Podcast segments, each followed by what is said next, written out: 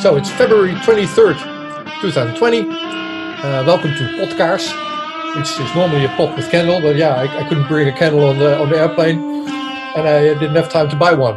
But this is recorded from London, and my guest is Lisa Ling. Hey, Lisa. Hi, how are you? I'm good. I, uh, I, I was in a hurry to to meet make the appointment with you because I was walking uh, past Belmarsh Prison and uh, there was tents in front. people, a couple of just just a small camping thing. People protesting there, and I was looking for the, for the people in there. They weren't home, but they were actually in front of the prison doing interviews. And uh, Assange's dad was there, and Yanis Varoufakis, and then a couple of cameras and uh, and uh, people doing interviews. No mainstream, no big media outlets, just activists. Um, there you have it. So I only barely made the appointment with you. Great that you're here. Last time we talked was October uh, last year, and uh, I asked you to to take us back uh, to when Assange made his publications, if you will, back then, and who he was back then, and who he is now, how he's portrayed now, and what's going on as you see it. Well, basically, um, what I want to do is try to, you know, posit some things out there um, and get people thinking about you know some different alternatives to what the media has said. I mean, one huge example that's in my mind, for example, is is Facebook. Right? Um, we heard about Cambridge Analytica. We heard how Facebook interfered in our elections by you know spreading false information to targeted audiences and all of that. So the question I'd like to throw out there first is: Should we call um, Facebook in a non-state hostile intelligence actor. I mean, um, this whole thing about uh, justice. Um, it's harder served on the people that we don't agree with. So, wasn't Facebook initially seeded with uh, government money, or am I mixing them up with Google? I'm referring to the non-state part. I, I, think you're mixing them up with Google. Oh, Um, but uh, they do have some, um, you know, interesting folks on their board. But I don't want to like I don't want to go down that particular mm-hmm. rabbit hole with Cambridge Analytica and and you know people's data that's probably still in use now to interfere with you know the electoral process and all of that. Um, what I just want to posit is is you know let's think about these things. The mm-hmm. word non-state hostile intelligence actor, to my knowledge, didn't exist before it was applied to Assange. That's the first time I had ever heard it. And um, I worked with intelligence agencies. So, you know, it was interesting to me. Uh, was, that, was that term invented for? I, I, the way you look at it? That's, I mean, that's the only way I know how to look at it because I just never seen that word used before. And you would think that in my kind of work, I might have heard that. Um, so you know and i, I want to think about like some of the things that have happened throughout our history um, because basically i think wasn't uh, assange on two years of house arrest and then and then he found out that there was an investigation into him and he ran into an embassy in the uk and he was pretty much there ever since being surveilled and it still blows my mind that they had surveillance cameras in his bathroom um, where I mean, and that his lawyers had to meet him in the bathroom where they thought there wouldn't be cameras. Um, if we talked about these things, this kind of invasive surveillance in any other context, people would be mortified, really. But um, we've been hearing a lot about one side of the Assange story. And what we don't hear too much about in America is stories about how he helped with secure drop how he um, basically changed the face of how we navigate things um, with a digital environment with Can news. We, it's a sidestep, but but um, I take it you're familiar with secure drop now that you mention it. Oh yeah. So, so, okay, so let's say you're a whistleblower. Someone's a whistleblower, and he wants to volunteer uh, their information to newspapers, to new news outlets. Well, you could call the journalist and hope that they do source protection. What you could also do is volunteer it to a channel, a third party, that would then in turn deliver it to certain news outlets. And um, well, SecureDrop is what's being used in the United States. My question is, how was that developed? And do you know global leaks and pub leaks as in a contrast to that? Are you, do you have an opinion on that? So I basically just heard about those things yesterday, and what I really want to point out is that um, that Assange with others, um, with you know uh, the gentleman that we call the internet's golden boy, um, and I mean he's pretty much mythological. Do you know who I'm talking about? Yeah. Um, yeah. and Aaron Swartz. Mm-hmm, yeah. Aaron Swartz and other people um, they basically were on a new frontier, this new digital frontier. And what we were finding out, I mean, if you've got if you've got license plate viewers, if you've got cameras, if you've got um, all of the stuff surveilling where you go, uh, you know, um, the metadata on your phones, if you have all these things happening, how is it if you have a piece of information that's in the public interest, you want to remain anonymous and you want to bring that to a news source? How do you do that?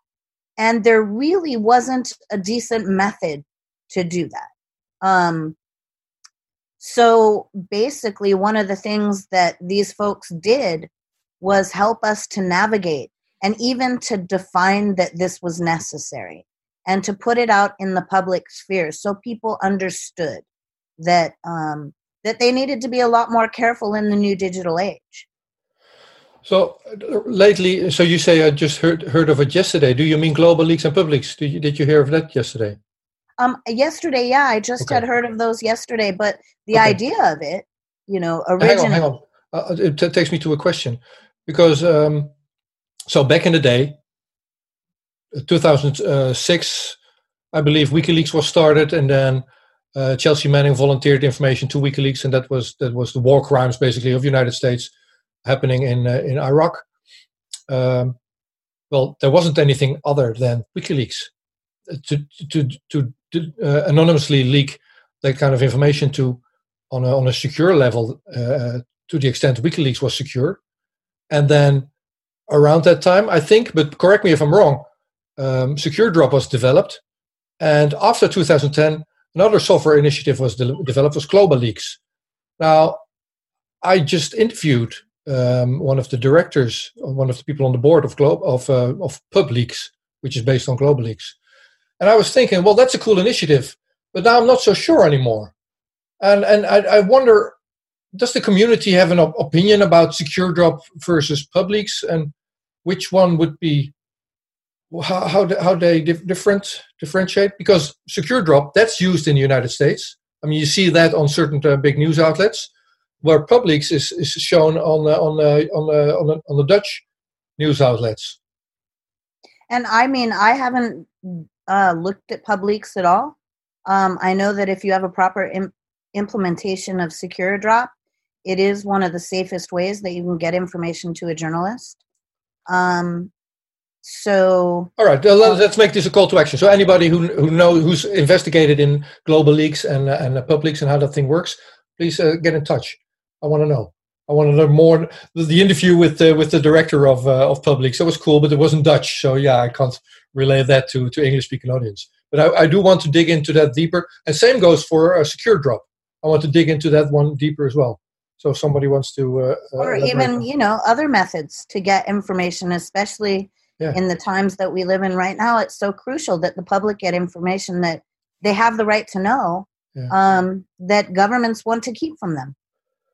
So I was walking to my bed and breakfast here in London because I'm going to be with the protesters and the activists in front of uh, court and in front of uh, prison. And I saw interviews being delivered in front of the prison to a very small scale. Where are the big media, the big cameras? I mean, there was activism uh, radio or, or and, and, a German outlet, but uh, it's not mainstream media. And uh, I was at a demonstration in Amsterdam uh, Saturday, it's like five people there. that's, that's wow.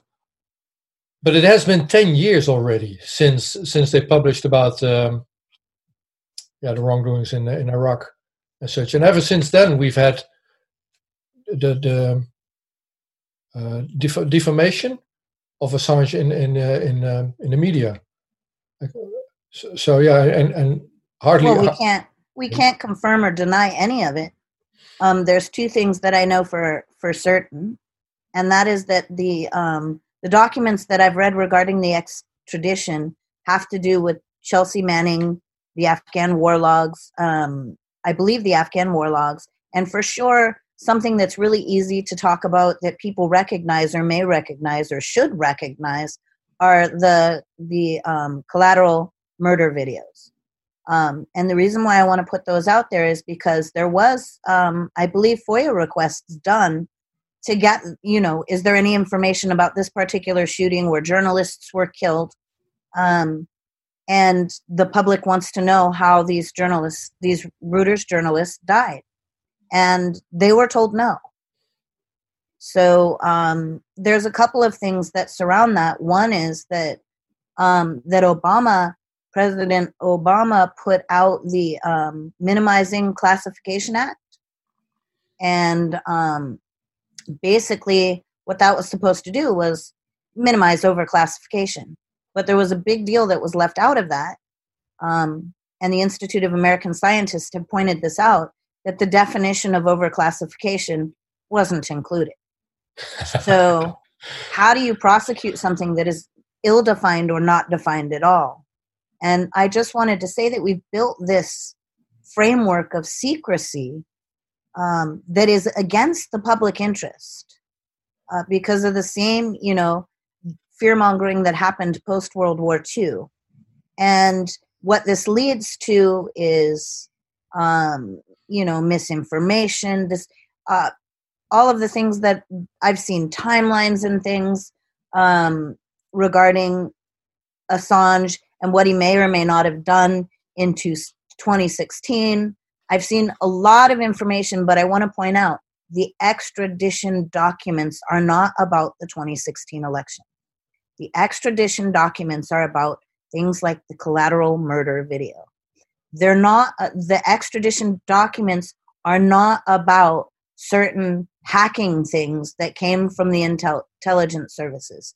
None of that is on the extradition documents. The extradition documents have to do with the um, data dump that Chelsea Manning sent to WikiLeaks. And I really want to say that because when I start the conversation online, bunches of people jump on me. But what about our election? Exactly. What about our election? If there's something about our election, it should be on the extradition documents. It should be in some of our public discourse because after all we have the right to know if our vote has been infringed upon. Mm-hmm. i know that other conversations on social media have been publicized for example the one with uh, reality winner and her sister. So it's not giving away sources or methods to say we saw this bidirectional conversation on social media between these two people. I'm not seeing any of that out there and I'm somebody who believes in justice for those that I absolutely disagree with and for those that I do agree with. But it seems to me that justice in this situation is not being carried out in the same way. And the only information that is being carried out, um, that is being disseminated to the public, is pretty much derogatory. And if that's true and backed up by evidence, okay but I don't see that. And then the other thing, along with that, Chelsea Manning is ostensibly indefinitely detained. Now, I don't agree with everything Chelsea Manning has done. I don't agree with some of, you know, her methods. But the fact of the matter is is that we have somebody who's ostensibly indefinitely detained in the United States of America. And I'm not quite certain why people are not discussing this aspect of this case. Well, that's the misinformation that. So I'm going to use you as a scapegoat because that's your country that's throwing misinformation through their big media outlets to to the general audience. Because Chelsea Manning is she served her time and she was let out of prison by Barack Obama on his last day as president. So that's that. She's done her time. Now she's arrested again because she refused to testify in front of a secret grand jury. And the reason that he didn't want, didn't want to testify in front of that secret grand jury is because he doesn't trust the grand jury process. So that's not not a, not a legal situation. I want you to mean be. you mean because there's no check and balance on that process where the public knows what's going on, where even you could bring, she can't even bring her. I mean, I want people to know you can't bring your attorney into a grand jury process. So then she was arrested for contempt of court because she was bullied. They tried to bully her in, in, testifying against Assange anyway, which she refused. And now she has a fine that's increasing daily with a small amount, and that's going to take all your life juice out of you if that happens.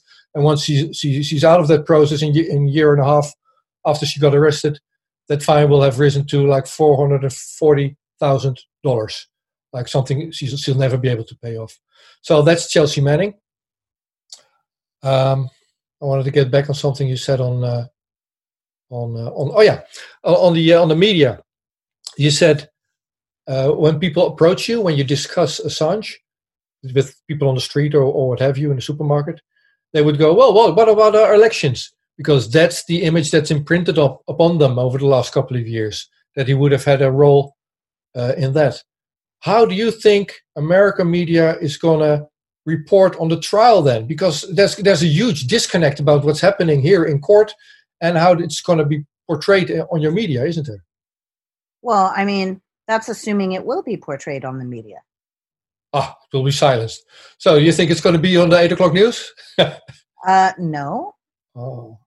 And i don't think i mean look i'm good with people investigating both sides of this argument. Um but like I said before, I am for equal justice. And it seems to me that our justice system is very selective. And you can take that from the people who are being pardoned now, right? I mean, you know, uh, there's people who who have done things in the public interest that could really use a pardon, and there's others, you know, who have um, committed egregious crimes. Um, I mean, anybody should be able to see that there's a problem that the public needs to address with our justice system. Uh, and and Julian Assange right now, um, the information surrounding his case isn't getting out there in any substantive way, just like other whistleblowers were silenced. Um, you know. Well, Assange is not so the people helping him out, that's why I'm here. The, the sole well, reason. And Assange is not a whistleblower. I want to make that no, clear. no, let's call him a publicist. Could we agree on that? Yes. Yeah, so there you go. But he is being charged with, uh, or they want him, the United States, your country wants him on espionage uh, charges. And the only, so this, these are my words. The, the, one and only reason that they want him on espionage charges is that you cannot do a, a defense saying, I did it in the public interest you're denied yep. to make that that that uh, claim. And uh, added to that, and that's new, you're denied your First Amendment rights. well, I mean, let's let's let's compare this with something else. If I walk out my door right now and shoot someone, and I end up going to trial, I can state my case. I can tell you, well, that person, you know, the the um so I just, let's say I just walked out there and shot someone, and that's all you know about it, right? That's it. You're going to look at me and go, oh, you murderer, right? But what if I told you that before I shot him, right, or her, right, that that they had a weapon pointed at you? You're going to feel differently about that. And in a court of law, that information should be available to the jury, right? I mean, wouldn't you agree with that? Yep. And so basically, I would have shot that person in self defense. Maybe that person was six foot eight and I'm five feet, you know, a little over five feet, right? Yep. I was terrified and so I shot in self defense, right? That should be information available to a jury in a trial. Now, the Espionage Act, I think it's called, I'm not a legal mind. Um, I know plenty of excellent legal minds. Um, in an Espionage Act trial, if what you've turned over is in the public interest, you're not permitted to say so. Yeah. So, for example, if you wanted the public to know that there was interference in our ele- elections and you go to jury The only question that's asked is Did you turn a document over to a news organization? Yes or no? That's it. You're done. That's all you're allowed to say. Now, the other act that's um, that's being used against Julian Assange is the CFAA, mm. the Computer Fraud and Abuse Act. It is another broad um, statute, law, whatever you want to call it, right?